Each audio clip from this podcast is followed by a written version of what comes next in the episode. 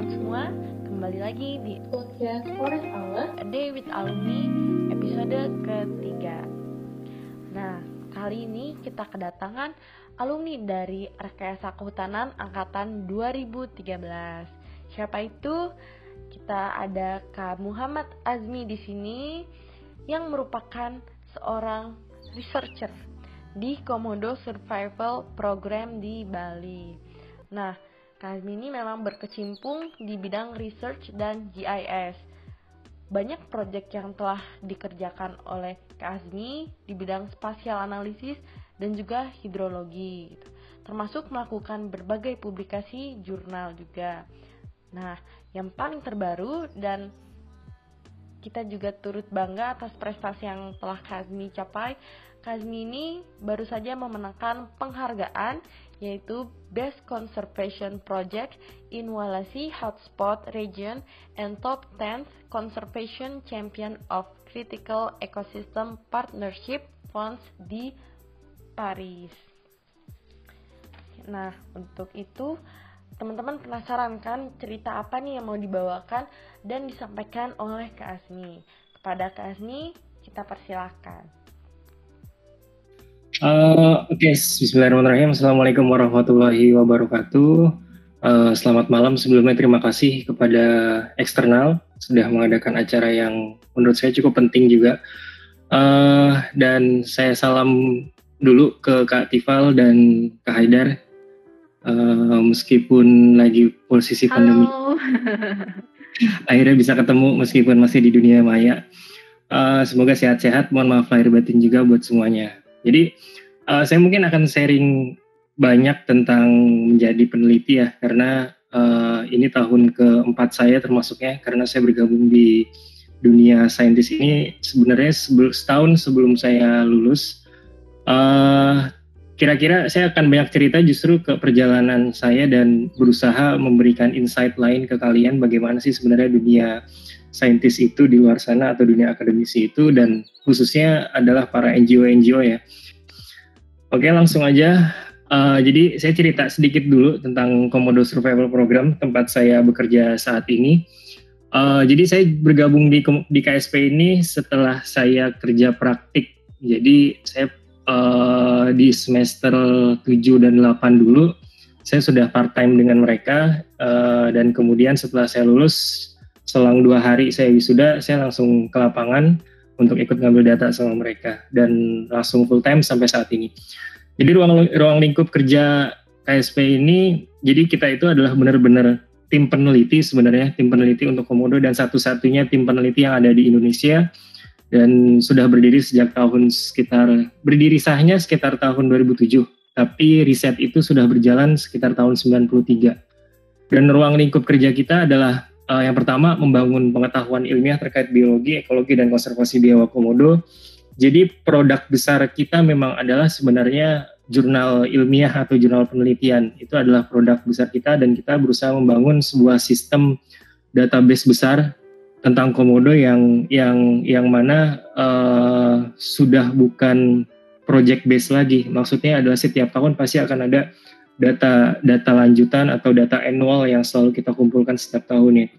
Yang kedua itu kita uh, pada akhirnya uh, peran kami adalah justru menjalin hubungan dan meningkatkan kapasitas pihak otoritas dalam upaya konservasi Dewa Komodo ya. Dalam hal ini adalah Balai Taman Nasional Komodo uh, dan BBKSDA NTT yang yang mana mereka adalah pihak otoritas yang sebenarnya uh, melakukan upaya konservasi Dewa Komodo di habitatnya.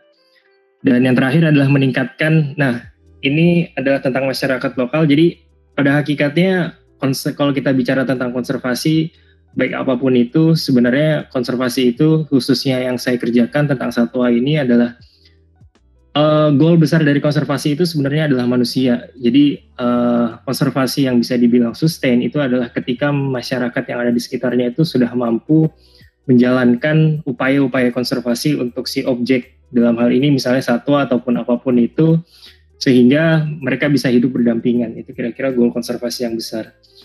Nah ini jadi sekilas aja jadi memang goal besar kita adalah sebenarnya scientific journal dan ini yang terakhir salah satu jurnal yang paling bisa dibilang paling prestigious uh, setelah berbelasan tahun kita mengumpulkan data, jadi ini membukti ini salah satu jurnal yang menjelaskan tentang kenapa sih komodo hanya hidup di Indonesia. Nah, uh, ruang lingkup kerja berikutnya adalah tentunya monitoring populasi. Uh, jadi ini adalah salah satu data besar yang yang setiap tahun kita kumpulkan dan menurut saya ini salah satu impresi besar saya sama tempat saya bekerja dulu bahwa uh, kita punya sebuah pekerjaan yang gila. Jadi kita setiap tahunnya kita menangkap komodo dan kemudian mengukurnya. Jadi setiap individu komodo yang ada di Taman Nasional itu sudah sekitar 1.400 individu yang sudah kita berikan chip. Chip itu sebagai penanda di kaki bagian belakang kanannya sehingga ketika kalian mengukur setiap uh, menangkap komodo setiap tahunnya kalian tahu itu komodo yang mana. Dan ketika kalian timbang dan kalian ukur kalian akan dapat data demografi. Dan kalau kalian dan bayangkan kalau kalian lakukan itu selama belasan tahun akan berapa individu komodo dan data kalian itu bisa bicara banyak. Bisa bicara ke lifespan bisa bicara ke demografi bisa bicara ke uh, perilaku dan segala macamnya. Itu adalah sebuah big data ataupun istilahnya kalau kita nyebutnya kitab suci. Kita punya kitab suci data itu. Jadi ini gimana kita ngelepas komodo? Sebenarnya kita semua penakut. Jadi begitulah. Oke, berikutnya ada monitoring populasi. Selain tentang komodonya, kita monitoring populasi satwa mangsanya juga. Jadi uh, tentang biologi dan ekologi, bagaimana interaksi antara satwa mangsa dengan si komodonya itu sendiri. Nah, uh, kita juga punya proyek sosial sebenarnya. Jadi upaya upaya-upaya kita dengan masyarakat kita dukung dengan kita punya pusat informasi dan membangun pusat edukasi juga di Flores Utara. Uh, kita harapannya tempat ini bisa menjadi uh, apa ya pusat informasi terkait biawak komodo di Flores Utara karena Taman Nasional Komodo dengan Pulau Flores itu beda ya. Jadi Pulau Flores itu populasi-populasi komodo di Pulau Flores itulah yang sebenarnya perlu perhatian khusus karena hidup berdampingan dengan manusia dan nggak jarang mereka disebut hama juga di sana. Terus penyadartahuan masyarakat. Nah, ini yang tadi moderator nyebut di awal, ini adalah proyek 4 tahun, sebenarnya dari tahun 2016. Jadi yang tadi saya sebut juga bahwa pada akhirnya konservasi itu bisa berjalan dan beriringan ketika masyarakat di sekitarnya itu bisa mengerti bagaimana upaya konservasi itu sebenarnya berjalan. Uh, ini gambaran proyeknya jadi sebenarnya waktu itu kita punya tantangan besar dan challenge besar adalah ini uh, bagaimana kita merubah perspektif masyarakat yang awalnya menganggap komodo itu sebagai hama uh, menjadi sesuatu yang punya nilai gitu. Dan kita berusaha mengedukasi masyarakat dari tingkat pendidikan sampai ke tetua adat dan para masyarakat-masyarakat lokal lokal lainnya juga kita tingkatkan kapasitasnya melalui pembuatan-pembuatan kerajinan dan segala macamnya. Inisiasi ekowisata ini lanjutan dari yang sebelumnya tadi. Jadi uh, kita punya small project di, di di North Forest itu yang yang tadi disebutkan ini inilah project yang waktu itu mengantarkan ke Paris tapi akhirnya terhambat karena pandemi. Jadi cukup menyedihkan sih sebenarnya. Tapi ya sudahlah. Jadi inisiasi ekowisatanya jadi ini adalah uh, lanjutan. Jadi kita berusaha membangun bagaimana masyarakat bisa mengelola sebuah tanah ulayat yang merupakan high conservation value dari biawak komodo yang ada di Flores. Dan dan uh, sampai sekarang masih berhasil. Dan sekarang masyarakat sudah mampu melakukan upaya-upaya konservasi bahkan sampai ke monitoring patroli tempat dan segala macamnya. Itu mereka sudah bisa lakukan secara mandiri. Dan ini yang paling terpenting, jadi pada akhirnya data-data ilmiah yang kita kumpulkan dari tahun ke tahun, dari belasan tahun akan bermuara ke sini juga, yaitu membangun kebijakan dengan pemerintah. Dan di Maret kemarin kita berhasil menyusun uh, dengan Kementerian Lingkungan Hidup dan Kehutanan sebuah dokumen penting, yaitu istilahnya dokumen SRAK namanya, Strategi dan Rencana Aksi Konservasi Biawak Komodo. Jadi ini dokumen uh, yang akan menjadi kiblat para stakeholder mana pun di tingkat apa pun bahkan sampai ke pemerintah dalam upaya konservasi. Jadi dokumen ini kita bangun dengan data-data saintifik dan dan dan dan dan pada akhirnya sudah sudah bisa dibentuk dan berlaku dari tahun 2020 sampai 2030. Nah, saya mau memberikan insight lain ke kalian. Jadi saya mau memperkenalkan sebenarnya jenis-jenis NGO khususnya yang yang yang punya irisan dengan ruang lingkup kerjanya akademisi ataupun saintifik, misi ataupun saintifik. Jadi pada pada hakikatnya mereka ini adalah NGO yang punya bidang yang yang yang punya konsentrasi keilmuan mostly di kehutanan dan saya nyebutnya ini adalah para NGO-NGO yang yang punya sistem yang besar. Sistem yang besar itu maksudnya adalah uh, eh, NGO itu berjalan dengan staff yang banyak, project yang banyak, dan kemudian uh, sistem di dalamnya itu cukup banyak sih maksudnya variasi proyeknya, kemudian departemen-departemen staff-staffnya, spesialisasi keilmuannya, kemudian staff staff ahlinya dan segala macamnya itu mereka merupakan sistem yang besar. Nah, ada juga small yang sistem eh, sistem yang kecil. Jadi sistem yang kecil itu ya termasuknya kayak tempat saya dan ada namanya Yayasan Bambu Lestari. Jadi teman-teman beberapa beberapa nama-nama yang ada di layar ini ini adalah uh, saya berdasarkan alumni alumni alumni alumni kita yang ada di sana di WRI, di C4, di iCraft, di Sobi, di Systemic dan di WCS juga ada. Dan ada nih yang di small system Yayasan Bambu Lestari itu di Bali. Itu angkatan 2012, ada yang ada, yang bekerja di situ. Eh 2013 sorry. Eh 14 deh. Uh, Kanya, Kanya itu 14. Nah, mereka kerja di sana. Nah, ruang lingkup kerja NGO itu sebenarnya mereka ada ada irisan antara policy dan riset. Jadi kayak NGO-NGO macam saya, KSP, iCraft, C4, WCS, WRI itu adalah mereka NGO yang yang fondasi mereka bergerak itu adalah uh, riset dan kemudian bagaimana riset itu bisa berperan mempengaruhi policy atau kebijakan. Dan yang irisan yang terakhir adalah ada juga NGO yang mengandalkan riset itu untuk menggerakkan industri atau bisnis, yaitu YBL Yayasan Bambu Lestari tadi. Jadi riset itu menjadi menjadi landasan utama mereka untuk menjalankan bisnis-bisnis mereka. Dan yang terakhir yang beririsan di ketiga ketiganya di policy, di riset, di industri itu ada Sobi sama sistemik. Kedua NGO ini, eh, kedua organisasi ini menurut saya cukup baik dan mereka menyentuh ranah yang uh, lengkap juga ada di riset, di industri juga mereka main, di policy juga apalagi. Uh, berikutnya, nah ini yang saya mau sharing berdasarkan pengalaman saya aja. Jadi saya mau me menceritakan gimana sih dunia dunia bekerja di di NGO yang akademis maupun yang sistem industri atau apa segala macam. Tapi saya baginya ke dalam sistem besar dan sistem kecil. Jadi kalau NGO kecil itu sebenarnya gini sih teman-teman, ketika saya saya saya termasuknya bekerja di NGO kecil. Ada beberapa pro atau keuntungan ketika saya bekerja di NGO kecil yaitu adalah kebebasan berkarya yang sangat tinggi. Jadi uh, saya di sini tidak hanya belajar bagaimana menjadi peneliti yang yang yang baik, saya juga belajar uh, bagaimana memikirkan bukan hanya saat meneliti di lapangannya aja, tapi dari mulai saya menggagas ide, dari mulai saya menulis proposalnya, dari mulai saya proses apply fundingnya, ketika funding itu dapat, bagaimana saya memanage keuangannya, bagaimana saya memanage strategi untuk menjalankan proyeknya, bagaimana saya pelaporan ke ke donornya atau ke pemberi funding, dan semua itu saya saya punya kesempatan untuk melakukan itu semua. Jadi uh, di NGO kecil itu uh, kita punya kebebasan berkarya yang menurut saya lebih tinggi dibandingkan dengan sistem yang besar nanti di NGO yang besar. Kemudian merasakan impact pekerjaan secara langsung. Jadi ya itu tadi ketika kita me menjalankan prosesnya dari awal benar-benar sampai ke akhirnya proyek itu selesai, impact dari pekerjaan yang kita kerjain itu terasa banget bukan hanya dari uh, skill hard skill ya, tapi dari soft skill, dari pembentukan karakter kalian segala macam itu banyak banget.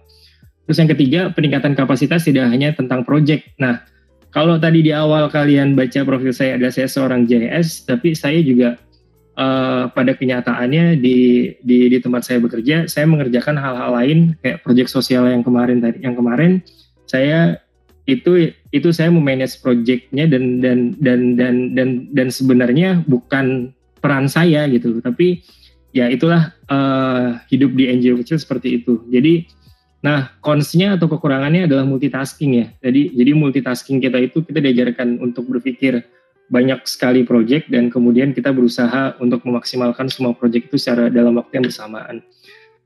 Kekurangan yang lainnya adalah networknya kecil, betul. Jadi kami ini tim yang sangat kecil, kami hanya bersembilan. dan uh, ya networknya kecil hanya itu itu aja gitu dan stabilitas organisasi lebih beresiko jadi mungkin nanti enaknya di sesi diskusi ya jadi bagaimana non government organization ini bisa dapat uang dari funding dan prosesnya seperti apa sehingga mereka bisa menjalani organisasinya jadi kalau NGO kecil itu uh, stabilitas atau organisasi uh, lebih beresiko maksudnya adalah bukan nggak mungkin uh, gaji kalian juga akan berfluktuatif tapi nggak semua. Justru kadang banyak juga kok NGO yang yang sudah mampu memanusiakan manusia, nggak hanya di, di dieksploitasi bakatnya aja. Terus NGO besar itu kebalikannya sebenarnya dari NGO kecil. Cuman yang saya mau highlight di NGO besar itu adalah networknya luas, betul. Jadi saya pun uh, pernah berpikiran juga saya suatu saat mungkin akan step uh, move on ke NGO yang lebih besar gitu kan, di mana uh, saya juga mau memperluas network saya, impactnya besar tentu, impact suatu proyeknya mungkin lebih besar. Kemudian konsnya adalah terbatas dalam berkarya menurut saya. Sebenarnya bukan berarti kalian nggak bisa berkarya ya. Uh, begini, kalau di NGO besar itu kalian bekerja sesuai dengan role atau spesialisasi kalian.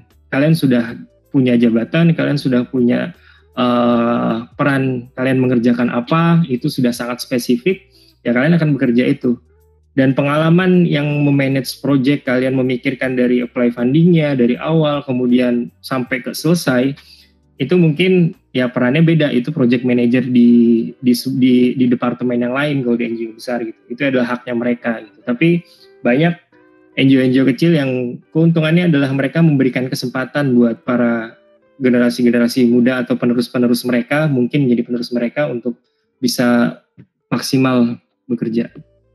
Nah, fundamental skill uh, menjadi peneliti sebenarnya nggak begitu banyak uh, spesial harus hard skill A, B, C, D segala macam sih. Saya mau ternyata beberapa hal yang saya sudah lalui adalah yang pertama networking.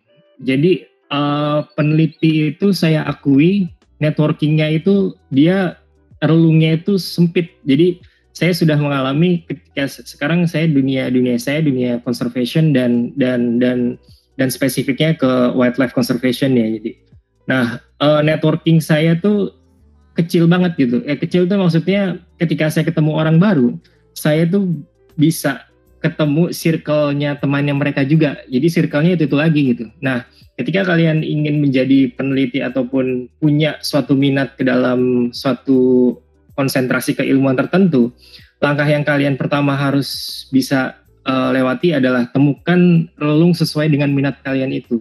Banyak medianya, bisa melalui kalian ikut seminar, kalian ketemu orang baru, kalian ikut pelatihan, workshop dan segala macamnya. Menurut saya banyak banget. Dan salah satu yang sudah sangat terbuka menurut saya adalah alumni. Jadi itu bisa kalian manfaatkan dengan baik. Yang kedua adalah etik ini sangat sensitif sekali ya di di di di para kalangan saintifik karena begini sih pada hakikatnya uh, ilmu pengetahuan itu adalah sesuatu yang privilege, sesuatu yang uh, value-nya itu kadang sulit bahkan tidak bisa diuangkan gitu loh. Jadi ketika kalian berada di dunia uh, atau di lingkungan yang uh, bekerja di para saintis dan segala macam, ya etik itu jadi jadi sesuatu yang sangat fundamental saya ambil contoh yang sering terjadi adalah uh, banyak uh, beberapa dua tahun ke belakang ini salah satu pekerjaan saya adalah mensortir beberapa mahasiswa-mahasiswa atau uh, stakeholder-stakeholder lain yang yang yang email kemudian berusaha menjalin kerjasama banyak mahasiswa sorry ya ini anak akuntansi sih nggak ada dia rekan akuntansi sih nggak ada tapi uh, beberapa mahasiswa fresh grade yang saya temukan adalah mereka banyak uh, cara berkomunikasi mereka yang yang yang sebenarnya kurang uh, kurang etik sih bisa dibilang. Kayak misalnya gini, awalnya awal dia dia mau penelitian di Taman Nasional Komodo. Awalnya dia uh, kontak saya, oke okay, saya kontak, saya minta proposalnya gitu kan. Mereka ngirim email karena mungkin mungkin karena dia sudah merasa sudah kontak saya, mereka ngirim email, emailnya kosong dong. Dia hanya mengirim proposalnya aja, badan emailnya nggak ada, dia nggak memperkenalkan uh, dirinya, masalahnya apa, kemudian kita harus bantu apa dan segala macam, just email kosong dan dia mengirimkan uh, proposalnya. Itu salah satu etik yang menurut saya ya perlu di perlu di perlu diakui lah bahwa saintis itu punya waktu yang sangat terbatas apalagi untuk berkorespondensi dengan orang jadi uh, jadilah orang yang nanti kita kita bisa bahas lebih detail bagaimana etik saintis itu bekerja di sesi diskusi. Kemudian yang kedua hard skill. Don't be afraid to be specific. Jadi salah satu uh, keputusan besar saya dulu ketika saya masih di rekayasa kehutanan adalah saya pernah mempertaruhkan semester sorry setelah KP itu semester 7 kalau nggak salah. Jadi saya mempertaruhkan UAS semester 7 saya dengan saya berangkat kerja praktik gitu. Jadi waktu itu saya sudah merasa bahwa kehutanan ini mungkin saya dulu merasanya agak general ya. Jadi saya perlu sesuatu yang lebih spesifik gitu. Jadi saya waktu itu mendalami mendalami si wildlife conservation ini dan kemudian saya mulai mencari hard skill hard skillnya dan waktu itu KP saya itu semacam beasiswa penelitian gitu. Tapi itu di waktu uas. Jadi saya nggak bisa sebenarnya saya taruhannya adalah saya meninggalkan uas gitu kan. Tapi pada akhirnya saya dapat dapat jalan sih dari Bu Rina waktu itu kaprodinya dia bilang uh, punya kesempatan dan akhirnya memberikan saya kesempatan surat pengantar buat ke dosen-dosennya. Tapi dari tujuh mata kuliah hanya dua dosen yang mengizinkan saya buat ikut uas susulan dan saya tetap berangkat ikut KP itu. Dan KP saya itulah yang membuka jalan saya. Jadi kalau saya waktu itu nggak mengambil keputusan itu, mungkin saya nggak ada di posisi yang sekarang juga gitu. Jadi hard skill itu jangan takut buat spesifik. Jadi dalamilah sesuatu yang menurut kalian spesifik dan bukan berarti spesifik itu sesuatu yang suatu minat yang akan kekal di di kemudian hari itu. Itu nggak uh, mungkin suatu saat kalian akan akan menemukan sesuatu yang lebih besar dan lebih menarik lagi itu sangat mungkin. Kemudian fundamental skill menjadi peneliti. Nah ini tadi Kativa udah nyebut juga nih menulis jurnal ilmiah. Jujur ya teman-teman. Saya lulus dari rekayasa kehutanan dan kemudian saya gabung ke dalam dunia yang sangat saintifik ini. Saya merasa kecil banget. Kecil itu dalam arti uh, saya benar-benar bagaimana saya benar-benar belajar seperti belajar ulang bagaimana menulis ilmiah itu dengan baik, bagaimana cara mensit, mensitasi yang baik, bagaimana cara kita uh, kemudian menyusun sebuah ide-ide untuk ditulis di dalam sebuah paper, bagaimana kita proses publikasi paper itu berjalan, bagaimana uh, siapakah yang pantas menjadi first author, second author dan segala macamnya, dan memikirkan bagaimana impact suatu penelitian itu berjalan itu saya saya sangat pikirkan. Dan menulis jurnal ilmiah itu sangat penting sekali karena menurut saya gini sih skill yang sifatnya scientific dan tanpa ada suatu publikasi dari seseorang, menurut saya itu sesuatu yang perlu ditanyakan sih. Itu. Jadi seseorang mungkin akan sangat komplit ketika kamu punya skill yang luar biasa, tapi kamu punya produk yang yang juga merupakan bukti dari skill kamu itu. Salah satunya produknya adalah jurnal ilmiah itu. Dan yang kedua adalah communication science. Uh, ini cara berkomunikasi. Jadi peneliti itu tantangan besarnya adalah bagaimana kayak saya saya seorang uh, spesifiknya JS di di di Komodo Survival Program. Jadi tantangan terbesar saya adalah bagaimana ketika saya bekerja multidisiplin ilmu saya bisa menyampaikan ide atau mengkomunikasikan sesuatu disiplin ilmu saya ke mereka dengan bahasa yang mudah dengan uh, itu itu cukup sulit karena setiap disiplin ilmu ketika kalian berada di satu lingkungan yang multidisiplin, setiap orang itu punya ego masing-masing untuk me mengeluarkan pengetahuannya dan komunikasi communication science itu adalah ilmu bagaimana kalian bisa menyederhanakan cara berkomunikasi kalian dan itu menyangkut ke etik tadi kisi sebelumnya. Yang ketiga, pilih konsentrasi keilmuan.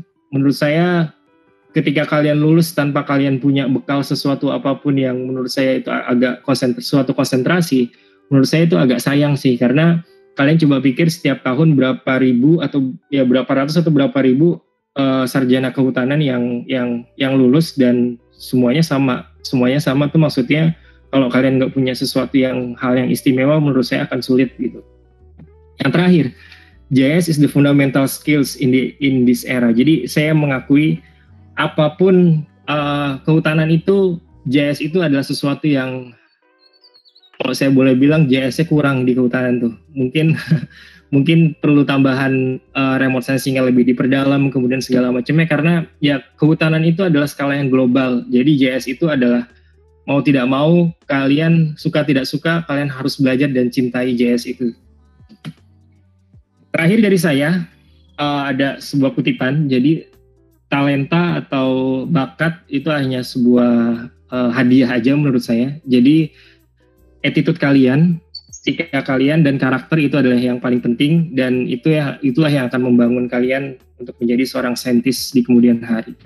Dan terima kasih, uh, saya terbuka untuk berkorespondensi. Uh, silakan ada nomor handphone dan email saya untuk untuk kepentingan uh, korespondensi di kemudian hari. Terima kasih. Oke, terima kasih banyak Kak Azmi atas cerita dan pengalaman yang telah disampaikan.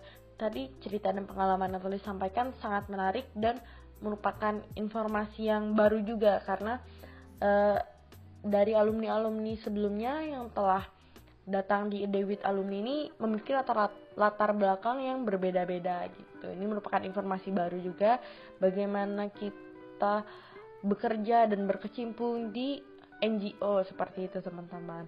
Nah untuk teman-teman jangan lupa juga untuk dengarkan episode-episode sebelumnya dari podcast A Day with Alumni dan jangan lupa tunggu juga kelanjutan dari podcast Forest Hour. Terima kasih banyak untuk Kak Azmi yang telah mengisi A Day with Alumni episode 3 ini dan terima kasih banyak juga teman-teman yang telah mendengarkan.